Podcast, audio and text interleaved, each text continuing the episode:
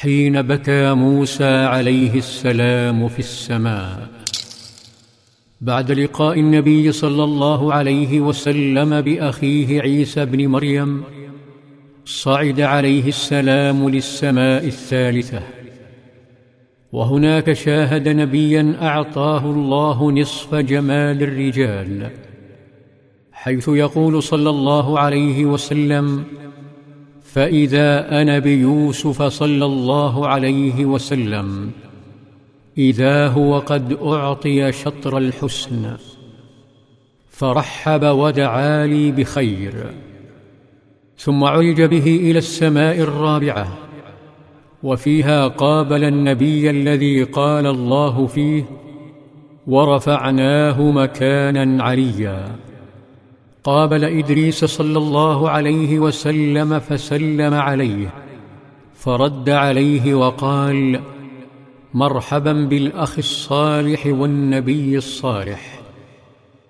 ثم صعد صلى الله عليه وسلم نحو السماء الخامسة حيث لقي النبي الفصيح خليفة أخيه موسى ووزيره فقال جبريل هذا هارون فسلم عليه.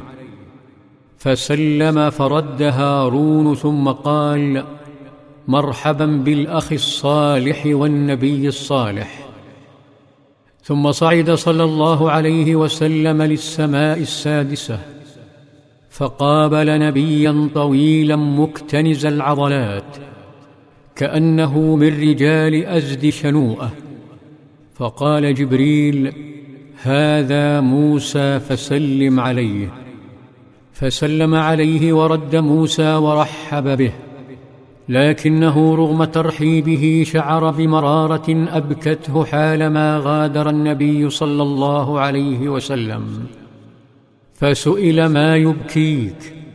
فقال عليه السلام يا رب هذا الغلام الذي بعث بعدي يدخل الجنة من أمته أكثر مما يدخل من أمتي. لم يكن ذلك البكاء حسدا من موسى لمحمد صلى الله عليهما وسلم ولا لأمة محمد فالحسد يموج هناك على وجه الأرض. يملأ قلب أبي جهل وأمثاله. الحسد أخرج إبليس من الجنة وحول ابن آدم قابيل إلى قاتل. الحسد ليس من صفات الأنبياء والصديقين والمؤمنين. موسى عليه السلام يبكي حسرة وأسفا لعناد أمته وتعنتها. بعد كل الذي بذله وعاناه من أجل هدايتها. موسى عليه السلام يحب أمة محمد. ويعطف عليها وسيثبت ذلك في هذه الرحلة. أما محمد صلى الله عليه وسلم فصعد إلى آخر السماوات وهناك رأى ما لا يستطيع وصفه من عوالم. هناك رأى بيتا يطوف به آلاف الملائكة فتوجه نحوه. فرأى نبيا جالسا عنده مسندا ظهره عليه. تأمله صلى الله عليه وسلم جيدا. تأمل وجهه وتكوين جسده.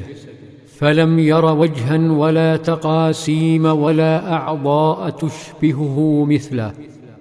فقال جبريل عليه السلام هذا أبوك إبراهيم فسلم عليه. فسلم عليه. فرد عليه السلام وقال مرحبا بك من ابن ونبي. يقول صلى الله عليه وسلم رأيت إبراهيم وأنا أشبه ولده به. ونظرت إلى إبراهيم فلا أنظر إلى إرب من آرابه. إلا نظرت إليه مني.